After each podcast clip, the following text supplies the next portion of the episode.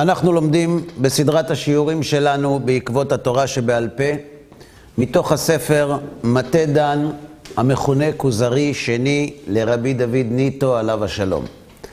אנחנו יצאנו לנסיעה קצרה בתוך הקדמתו של הרמב"ם לחיבור העצום משנה תורה, כדי ללבן כמה נקודות הקשורות לתורה שבעל פה, לסדר העברתה, ומתוך רצון לזהות את הנקודה שבה נוצרו מחלוקות, כי אנחנו עוסקים בשיעור שלנו כרגע בספר הכוזרי השני, בשאלה מרתקת, האם המחלוקות שיש בין החכמים בתלמוד ובמשנה מעידים על כשל חס ושלום בהעברת המסורה שהגיעה ממשה רבנו.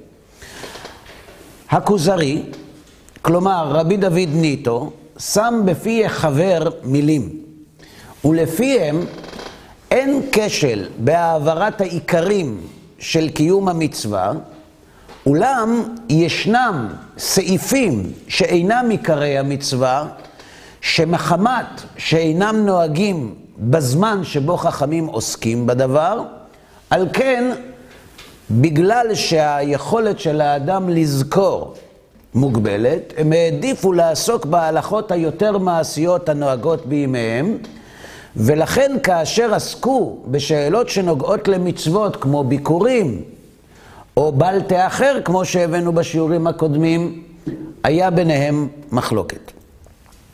אנחנו שאלנו אם כך, מה יהיה לגבי מצוות אחרות שנוהגות בזמן הזה? איך ייתכן שבהן תהיה מחלוקת? ועל כך משיב החבר לכוזרי, שלא את כל אופני קיום המצווה לימד משה מסיני. ולכן כל מה שלימד אין בו מחלוקת, וכל מה שיש בו מחלוקת או שלא לימד, או שלימד ומחמת שהזמנים נשתנו והנסיבות לא עסקו בהם החכמים ועל כן לא נתבררו דברים בימיהם. לכן עברנו לדברי הרמב"ם, והוא סקר בפנינו את מבנה התורה שבעל פה ואת שלשלת המסורה, והגענו עד לחתימת התלמוד. אני חוזר על כמה שורות מהשיעור הקודם. נמצא רבינה ורב אשי וחבריהם סוף גדולי חכמי ישראל המעתיקים תורה שבעל פה. ושגזרו גזרות והתקינו תקנות והנהיגו מנהגות ופשטה גזרתם ותקנתם ומנהגותם בכל ישראל ובכל מקומות מושבותם. והפסקה הזאת חשובה, כי בעוד כמה שורות הרמב"ם יסביר לנו למה כולנו מחויבים לתלמוד הבבלי, ואילו לגזרות והתקנות שנוהגות בעדות שונות, אנחנו לא מחויבים אם הגזרות והתקנות הללו לא מצויים במסורת שלנו. ואחר בית דין של רב אשי, שחיבר הגמרא, וגמרו בימי בנו, קרה דבר בישראל, משמעותי מאוד, גם מבחינה לאומית, גם מבחינה גיאוגרפית, ובעיקר מבחינה הלכתית, נתפזרו ישראל בכל הארצות פיזור יתר, והגיעו לקצוות ואיים הרחוקים, ורבתה קטטה בעולם, ונשתבשו הדרכים בגייסות, ונתמעט תלמוד תורה, ולא נכנסו ישראל ללמוד בישיבותיהם אלפים ורבבות כמו שהיה מקודם, אלא מתקבצים יחידים השרידים אשר השם קורא בכל עיר ועיר ובכל מדינה ומדינה, ועוסקים בתורה, ומבינים בחיבורי החכמים כולם, ויודעים מהם דרך המשפט העכו. וזה מה שעשו מתקופת הסבוראים ואילך, לעיין בדברי התלמוד ולהוציא משם המסקנות להלכה ולמעשה. וכל בית דין שעמד אחר הגמרא, בכל מדינה ומדינה, וגזר או התקין או הנהיג לבני מדינתו, או לבני מדינות רבות, כלומר אשכנזים או ספרדים, האשכנזים הנהיגו לבני מדינתם, ובעיקר חכמי ספרד, שהיו נתונים תחת שלטון רחב יותר על עם ישראל, הנהיגו למדינות רבות, לא פשטו מעשיו בכל ישראל.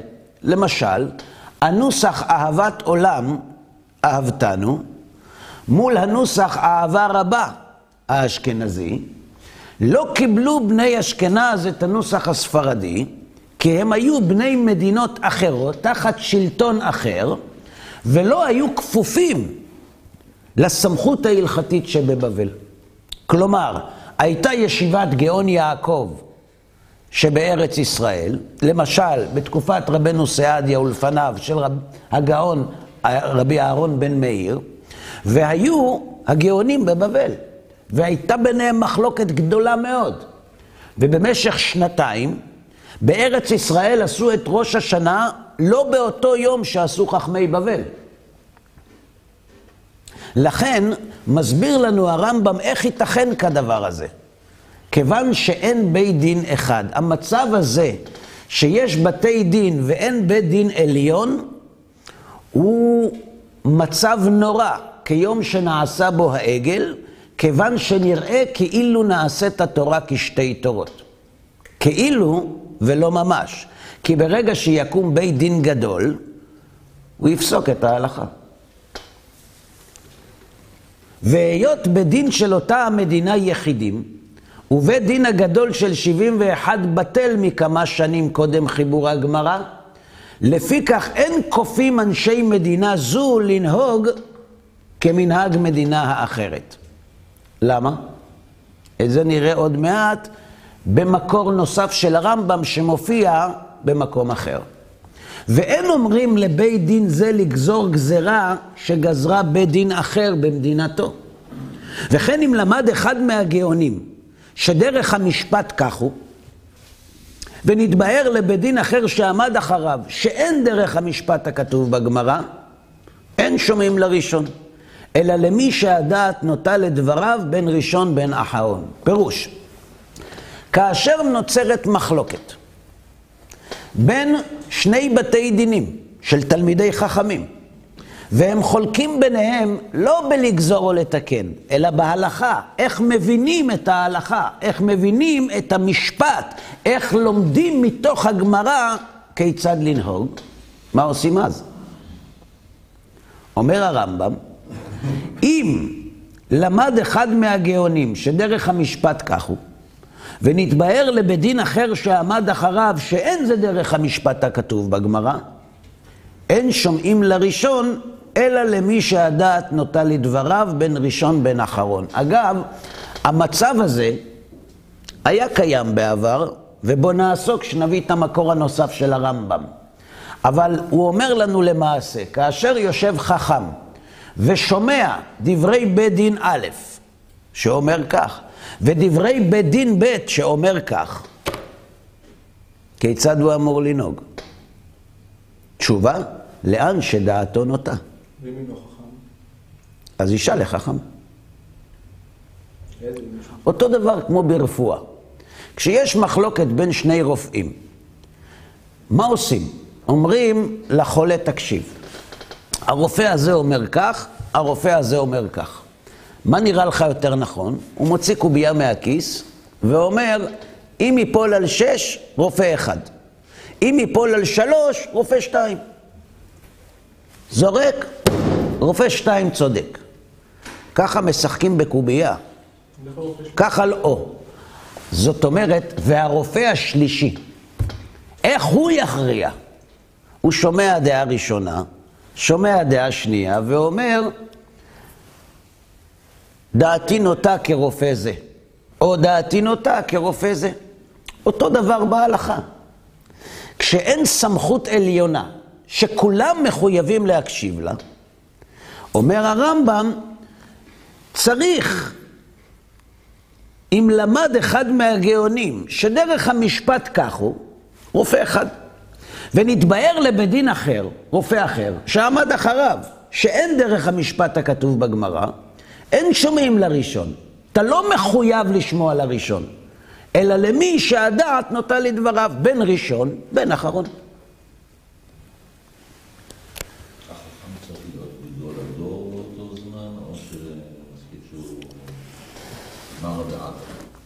אתה שואל כמה חלקיקים של חוכמה צריכים להיות לחכם כדי שיפסוק ביניהם. אני אתן לך דוגמה. כשאני למדתי אצל מורי ורבי הלכה, והוא לימד אותנו, אני חושב שזה היה בהלכות הבדלה, והוא אמר לנו, דעת הרב שלמה זלמן נוירבך, זכר צדיק לברכה, ככי, וזה נימוקו. כלומר, זו הדעה של הרב, וזו הסיבה. כלומר, כשהרב פוסק, זה לא ככה נראה לי. הוא מביא נימוקים ופוסק הלכה. אז דעת רבנו שלמה זלמן, אמר הרב, ככי. ודעת אבי מורי, ככי. ונימוקו עמו. ואז שאלתי אותו, ומה הרב אומר? בסדר, תורה היא, ללמוד אנחנו צריכים. צחק ואמר, דעתי נוטה אחר דעת רבנו שלמה זלמן. הטעם שלו נשמע יותר חזק. זה מה שכותב הרמב"ם. כן, בבקשה. בעצם פה הוא מדבר על התקופה שאחרי חתימת הגמרא, ששם באמת צצו מחלוקות, אבל התקופה שלפני, אנחנו גם נדבר עליה, כי גם שם יכול להיות הרי את הבעיות ש... סבלנות. כי זה בדרך כלל סדר מאוד הפוך, אתה אמור ללכת מה... סבלנות. הקדוש ברוך הוא החתים את עם ישראל על שטר סבלנות ביום שבו משה הלך לפרעה להגיד להוציא אותם ממצרים. אלה שלא היה להם סבלנות, וראו שהכל משתבש, והוא לא מסכים להוציא אותם, קיבלו אזרחות ופרשו. סבלנות. ודברים הללו, בדינים, גזרות ותקנות ומנהגות, שנתחדשו אחר חיבור הגמרא, בזה הולכים אחר איפה שהדעת נוטה. אבל כל הדברים שבגמרא, הבבלי, חייבים כל ישראל ללכת בהם, וכופים כל עיר ועיר, וכל מדינה ומדינה, לנהוג בכל המנהגות שנהגו חכמי הגמרא, ולגזור גזירותם, וללכת בתקנותם. מה זה המילה לכפות? איפה עובר הגבול? אתה שואל מה זה נקרא לכפות? זה בעזרת לחץ פיזי מתון. כמו עיר הנידחת נגיד. לא. למה אתה הולך לקצה? לא, אני מעמיד שאלה. אז אני מעמיד תשובה. אתה הולך לקצה, עיר הנידחת זה דבר קיצוני מאוד. כופין הכוונה, זאת ההלכה. האם אדם יכול לעבור על ההלכה? בוודאי. אנחנו אמנם לא יודעים, אנחנו אף פעם לא עברנו על ההלכה, אז אנחנו לא יודעים שהדבר אפשרי. אבל יש מעטים שלפעמים עוברים על ההלכה בשוגג או באונס. אבל כופין הכוונה שכך עושים. עכשיו, אם זה בייסורי לא תעשה, כל אחד עושה בעצמו, עשה או לא עשה. אבל אם זה בייסורי עשה, אז כופין, למשל כמו שלשכת המיסים כופה על העצמאי לשלם מיסים, עם כל הכלים העומדים לרשותה. אין אדם עושה דין לעצמו, אבל אמרתי, לחץ פיזי מתון, שלא משאיר אה, סימנים בדרך כלל, חוץ מאשר בחשבון הבנק. למה הוא, למה הוא מתנסח, הרמב"ם, בצורה כל כך חריפה לגבי הפסיקה התלמודית? בעוד הוא נותן יד די חופשית לכל חכם להבין בדעתו אחת מן השיטות שלאחר התלמוד. התלמוד כולם חייבים, כמו שאמרת, כופים. למה? אומר הרמב"ם, הואיל וכל אותם הדברים שבגמרא הסכימו עליהם כל ישראל, ואותם החכמים שהתקינו או שגזרו או שהנהיגו או שדנו דין ולמדו שהמשפט כך הוא, הם כל חכמי ישראל או רובם. והם ששמעו הקבלה בעיקרי התורה, כולה, דור אחר דור עד משה רבנו עליו השלום. פירוש, יש שתי סיבות הלכתיות מדוע האדם מחויב לשמוע לפסיקת התלמוד. א', כי מדובר בכל או רוב חכמי ישראל, וכל או רוב חכמי ישראל לדעת הרמב"ם הוא שווה ערך מבחינה פסיקתית לסנהדרין. ב', כיוון שאין לך אנשים שמעבירים המסורה יותר מהם. אז איך אתה, שיודע המסורה פחות, חולק עליהם? כלומר, משתי סיבות האדם מחויב לשמוע לפסיקת התלמוד. כן, בבקשה. מי יקבע פה מי גדולי ישראל, זאת אומרת חכמי ישראל? מי דיבר על חכמי ישראל פה עכשיו? לא, הרב אמר לפי רוב חכמי ישראל. אנחנו מדברים על התלמוד. למה אנחנו מחויבים לשמוע לפסיקת התלמוד ולא יכולים לחלוק עליו? למה בית דין יכול לחלוק על בית דין חברו? למה חכם יכול לפסוק כאחת מן השיטות, ואילו אדם לא יכול לבוא ולומר, אני דעתי כך, למרות שהגמרא אומרת כך? למה לא?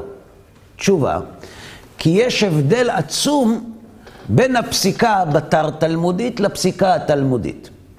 הפסיקה הבתר תלמודית לא נעשתה על דעת כל חכמי ישראל. ולכן היא לא מחייבת את כולם, אלא את הכפופים לבית הדין שבאותו מקום. לעומת זאת, חכמי התלמוד, אף שמושבם היה בבבל, כיוון שנתקבלה פסיקתם על ידי כל או רוב חכמי ישראל, הדבר מקבל משקל של בית הדין הגדול. דבר נוסף, הם מעבירי המסורה, שהרי אתה לא מעביר המסורה יותר מדויק מהם. ולגבי איך בודקים מי תלמיד חכם, זו שאלה צדדית, זה עניין טכני לחלוטין. יש עכשיו, מצאו, אה, ייצרו, קוראים לזה חכמומטר, שאפשר למדוד. זה רלוונטי רק לתקופת התלמוד, או גם לתקופה שהרמב"ם חי ובימינו? הרמב"ם כותב על תקופת התלמוד, ואומר שמאחר תקופת התלמוד המצב השתנה בצורה דרמטית. מה רצית לשאול? אם יש מחלוקת בגמרא, למשל, על, יש בברכות על המחלוקת בין אהבת עולם לאהבה רבה. ואשכנזים פסקו כך וספרדים פסקו כך, אז איך אפשר להגיד שזה הלכה רק כתלמוד? אם יש שתי דעות בעצם. אתה שואל, מה עושים במקרה שאין הלכה פסוקה בתלמוד? גם על זה הרמב"ם ידבר. אבל במקרה שההלכה פסוקה בתלמוד, אנחנו מחויבים לה. כן, בבקשה. הרב, מדברים פה על הלכות, פסיקה הלכתית שיש בגמרא, שהוא אומר, כזו ראה וכזה, זה הצד ההלכתי, וזה מה שאנחנו עושים, סגור, זה, זה תלמודי. עכשיו, יש בגמרא כל מיני דברים וסיפורים ואמיתות שלכאורה הם שייכים, אתה אומר, אם זה הדור שקבע את ההלכות קדימה, יש בגמרא כל מיני סיפורים ודברים שהם לא, הם אולי מתאימים לאיזושהי מנטליות שהייתה לפני אלפיים שנה, ולעכשיו זה לא יחס לנשים, כל מיני דברים שהשאלה איך להתמודד, כי את זה קשה לקבל היום. אתה שואל שאלה כזאת, אתה אומר, אוקיי, קיבלתי שאני מחויב לפסיקה התלמודית, כי זו דעת חכמי ישראל, ולכן אני מחויב לה. כשיש בעיה קטנה, זמנים השתנו. כלומר, יחס התורה לנשים, כמו שאמרת, או דברים נוספים, אתה אומר, תשמע, קשה לי להכפיף את עצמי תחת מרותם של אנשים שברוב הדברים שקשורים להשקפת עולם, דעתי שונה מדעתם. לא בנושאים הלכתיים. כן, כן, לא, לא בנושאים הלכתיים, הרי כולנו יודעים שאנחנו, אתה אולי כן, אבל אנחנו לא מבינים. אז זה לא גדולה להצטנע ולומר שהם ידעו תורה יותר מאיתנו, כי זה ברור. חז"ל אומרים שמי שמודה בקנס פטור. למשל, אדם שבא לבית דין ואמר, גנבתי. אז הוא משלם רק את הקרן, לא משלם את הכפל.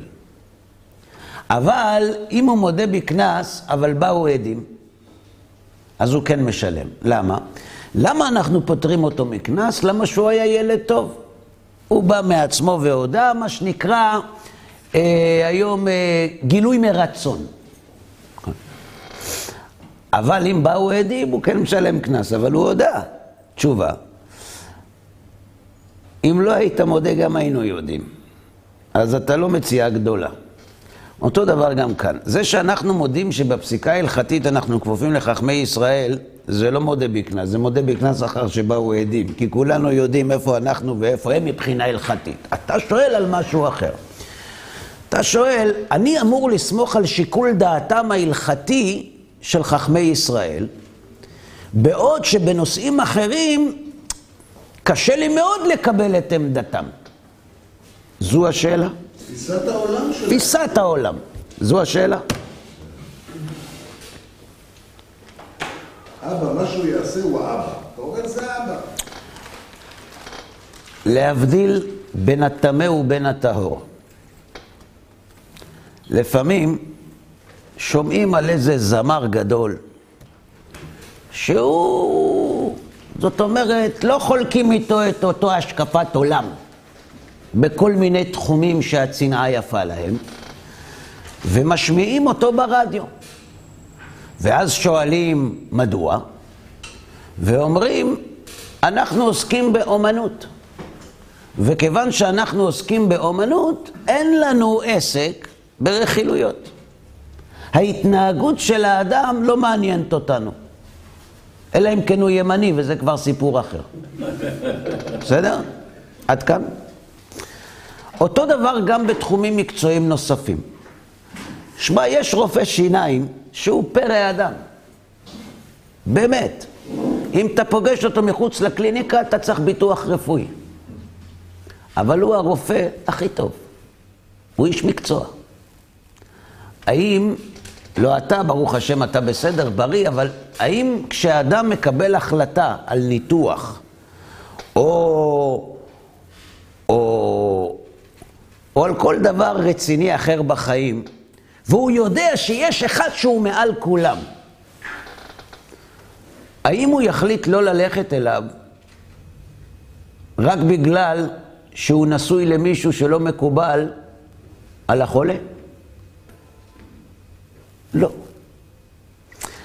להבדיל אלף אלפי הבדלות, זה לא הטיעון שאני מציג, זה רק כדי לנקות את השולחן. אז למה כשמגיעים לחכמי ישראל, שאתה מקבל את הסמכות ההלכתית שלהם, למה דעתם, או שיקול דעתם, או השקפת עולמם בתחומים אחרים, רלוונטי לפסיקה ההלכתית?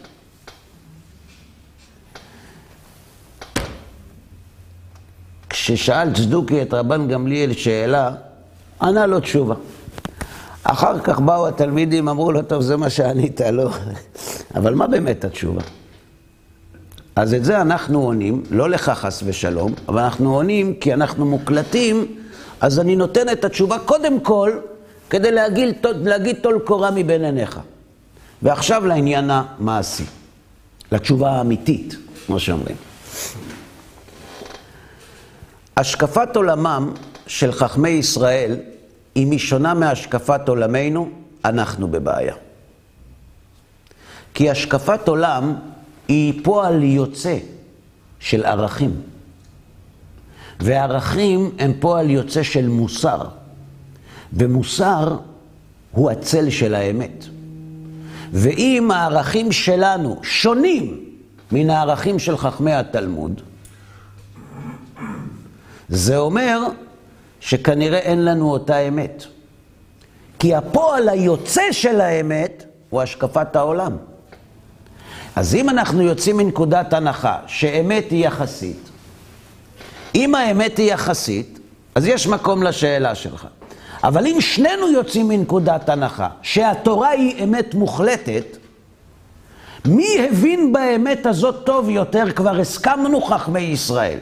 ואם הנורמות המוסריות והשקפת העולם הם פועל יוצא של האמת, אז כדאי שניישר את השקפת העולם שלנו להשקפתם של חכמי ישראל.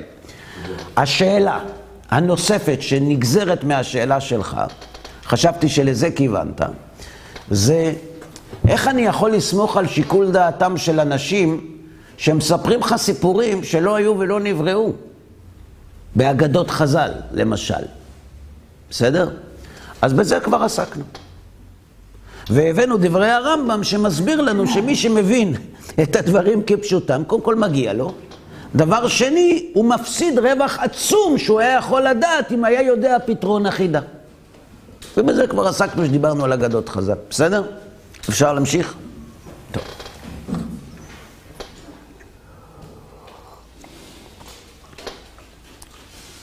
אומר הרמב"ם, ודברים הללו בדינים, גזרות ותקנות ומנהגות שנתחדשו אחר חיבור הגמרא. אבל כל הדברים שבגמרא הבבלי חייבים כל ישראל ללכת בהם משתי סיבות. א', הואיל וכל אותם הדברים שבגמרא הסכימו עליהם כל ישראל, ואותם החכמים שהתקינו או שגזרו או שהנהיגו או שדנו ולמדו שהמשפט כך הוא, הם כל חכמי ישראל או רובם. כלומר, גם כל עם ישראל קיבל עליו את ההלכה, ויש כבר אל תיטוש תורת אמך כאן. רוב או כל חכמי ישראל קיבלו את זאת הפסיקה, ורוב או כל חכמי ישראל הם מעבירי המסורה מדור לדור. ומכל הסיבות האלה כולנו מחויבים לתלמוד. וכל החכמים שעמדו אחר חיבור הגמרא, ובנו בו. מה זה ובנו בו? בנו בו. מה זה בנו בו? לא. אולי נפגשנו בו? ובנו בו, ויצא להם שם בחוכמתם. נכון. הם, תשאיר משהו פתוח, למה צריך לענות? ויצא להם שם בחוכמתם, הם הנקראים גאונים.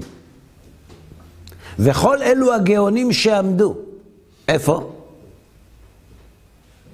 איפה הם עמדו? בארץ ישראל ובארץ שנער ובספרד ובצרפת, למדו דרך הגמרא והוציאו לאור תעלומותיו וביארו ענייניו. כלומר, מה ששאלת.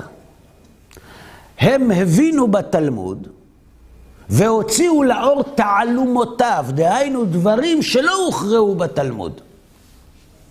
לפי שדרך עמוקה דרכו עד למאוד. התלמוד הבבלי זה לא לקרוא דף ולתת רעיון או סברה. כדי שהסברה שלך בתלמוד תהיה נכונה, היא צריכה להתאים לכל אותם מקומות בתלמוד שיש התייחסות לסוגיה שלך. כשאתה נותן פתרון לתרגיל בחשבון, והוא נכון כאן, אבל לא נכון בתרגיל אחר, זה לא תשובה טובה. היא לא נכונה. לכן אתה צריך שהתשובה שאתה נותן תתאים.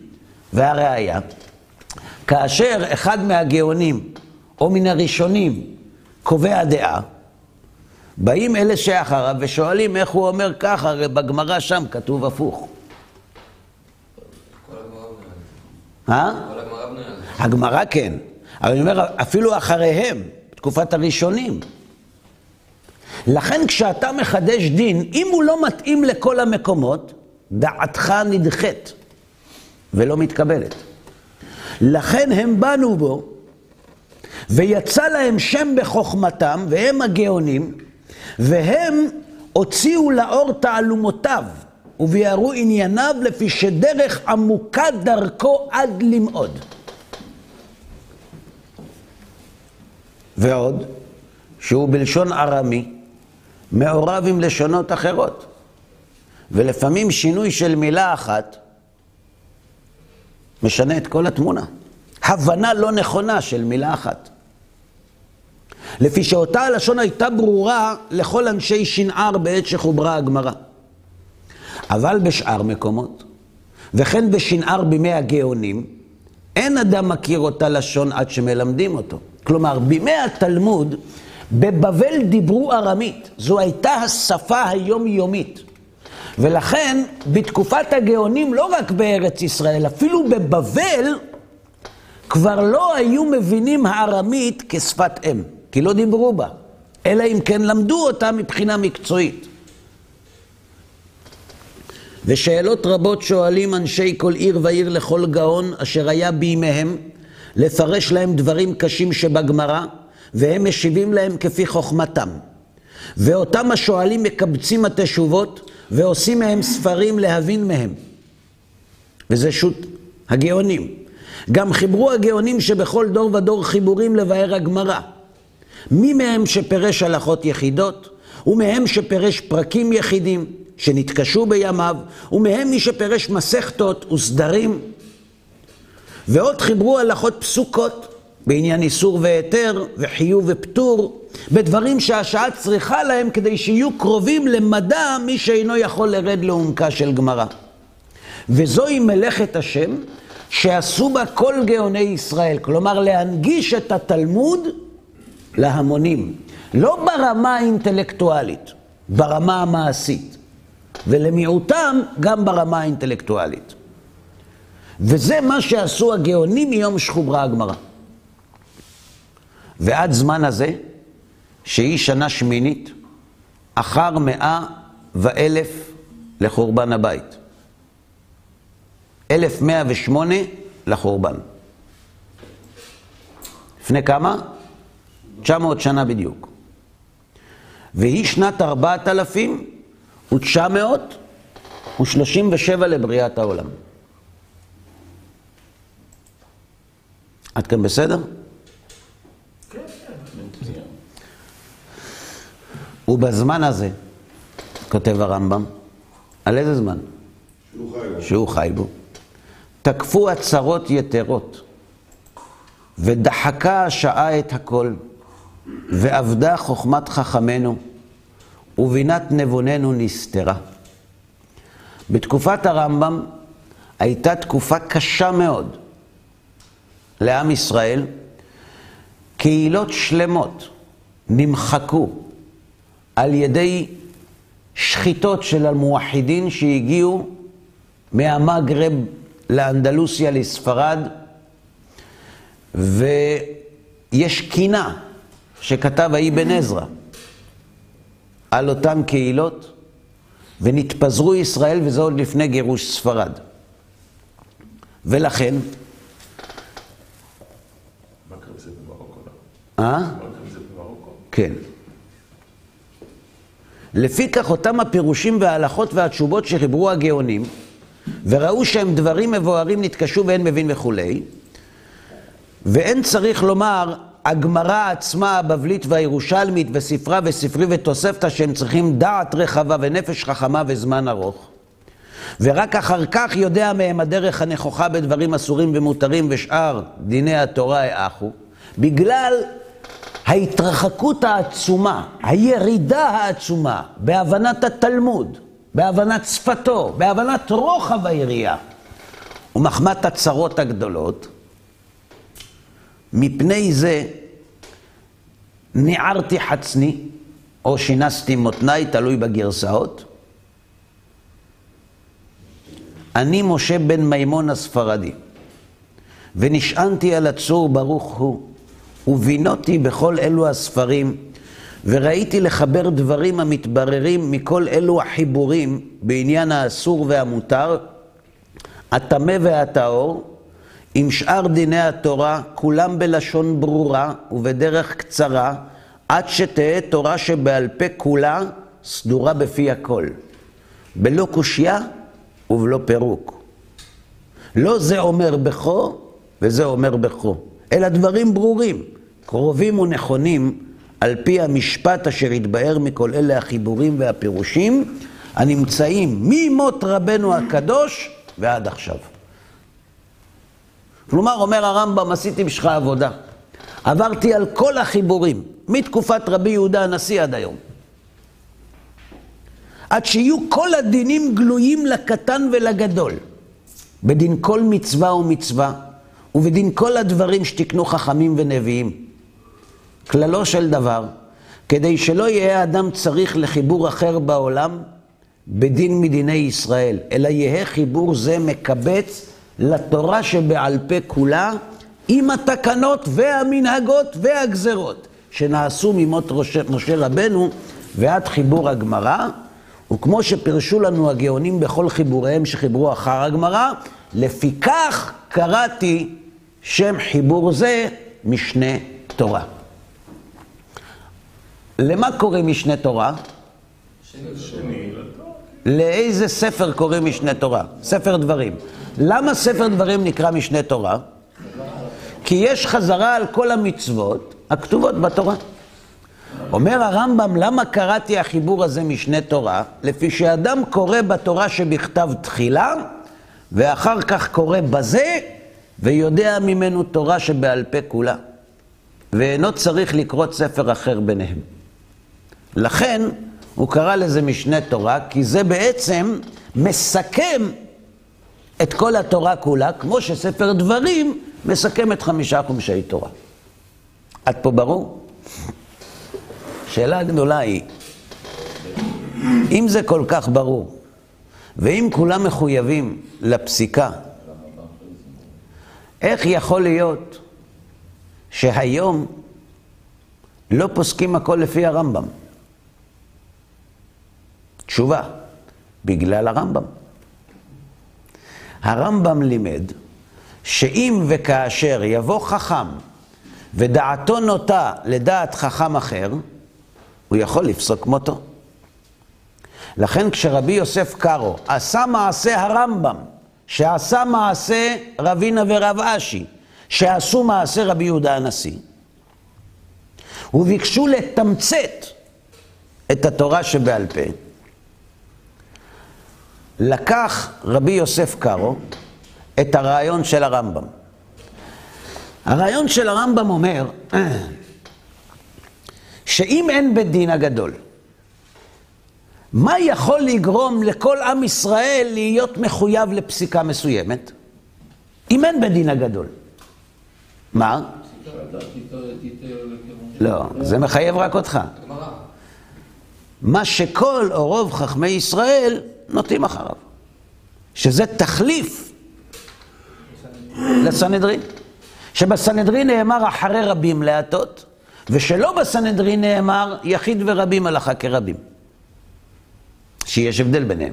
ולכן, אם כל רוב חכמי ישראל סוברים דעה מסוימת, היא מחייבת את כולם. פה בסדר? מה עשה רבי יוסף קארו לפני 500 שנה? הוא אסף את רוב או כל חכמי ישראל. איך? הוא עבר על כל הפסיקה ההלכתית, מתקופת התלמוד ועד לימיו, ובדק מי מן הראשונים הוא רוב מניין ורוב בניין של חכמי ישראל. לפי מה זה נבדק? לפי שנתפשטה פסיקתו. כלומר, אם הריף, רבנו יצחק אלפסי, עליו השלום, פסק פסיקה הלכתית, והיא נתקבלה על ידי המספר הרב ביותר של היהודים, הוא נקרא רוב מניין של עם ישראל, או רוב בניין. ולכן הרמב"ם אסף, בדרך כלל, שלושה עמודים. הרבי יוסף קארו, שלושה עמודים. הריף, הראש והרמב"ם. הראש. הריף, הראש והרמב"ם. אלה הם שלושה עמודי הוראה. הריף היה אלג'יראי במקור וספרדי לאחר מכן, באליסנה. הרמב"ם נולד בספרד וחי במצרים. והראש, שהוא האשכנזי היחיד בחבורה הזאת, שגם הוא, היו בו סממנים ספרדים, כי הוא ברח מאשכנז לספרד. וכך העמיד לעצמו, בגדול, יש גם פרטים, רבי יוסף קארו את ההכרעה. אם הריף והראש חולקים על הרמב"ם, הלכה כמותם. אם הרמב"ם והריף חולקים על הראש, הלכה כמותם. וכך הולכים על פי הרוב. כי זה רוב מניין ורוב בניין. האשכנזים לא קיבלו את זה. מדוע? כי הם אמרו פשוט מאוד, אם יש שני חכמי ספרד וחכם אחד אשכנזי, ברוב המקרים הפסיקה לא תהיה כמותו, ויש לנו מסורת. ולכן, כשאתה קובע שזה רוב מניין ורוב בניין, אתה קובע על סמך מה שאתה מכיר. אנחנו מכירים רוב מניין ורוב בניין אחרים. אבל הרעיון שרבי יוסף קארו לקח כדי להכריע את ההלכה, הוא רעיון שמופיע ברמב"ם. האם עד כאן זה ברור? כן, בבקשה. רבי יעקב בן הראש חיבר ארבעה טורים. הוא עשה את מה שהרמב"ם עשה. בדיוק אותו דבר. רק שהוא לקח גם דעת הראשונים, ולא רק דעת התלמוד, וסיכם אותם בתמציתיות רמב"מית, וערך מהם ארבעה טורים. אורח חיים, יורה דעה, חושן משפט ואבן העזר. הרבי יוסף קארו לקח את ארבעת טורים והראה את המקורות בתלמוד ובראשונים שמהם רבי יעקב בן הראש שאב את פסיקתו, בחלק מהמקרים הוא מסכים איתו, ובחלק מהמקרים הוא חולק עליו.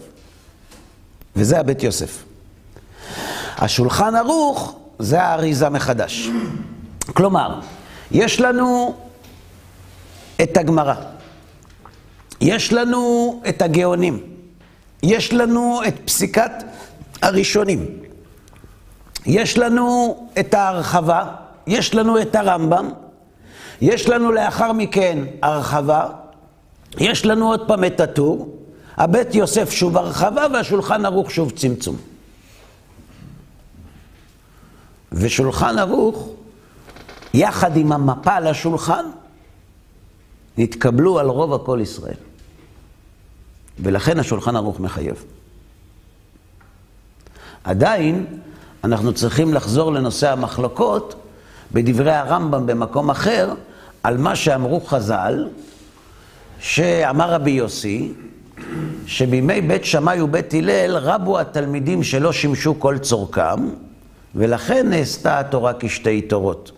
וזה לא כל כך מסתדר, לא עם דברי הרמב"ם המסודרים, וגם לא עם דברי הכוזרי השני, שאמר שרק בדברים מסוימים נוצרה מחלוקת. ואילו אנחנו יודעים שבית שמאי ובית הלל חיו מתי? בתקופת הבית, בתקופת בית המקדש. אז את זה עוד נצטרך לברר, וזה נעשה בפעם הבאה, עד כאן להיום.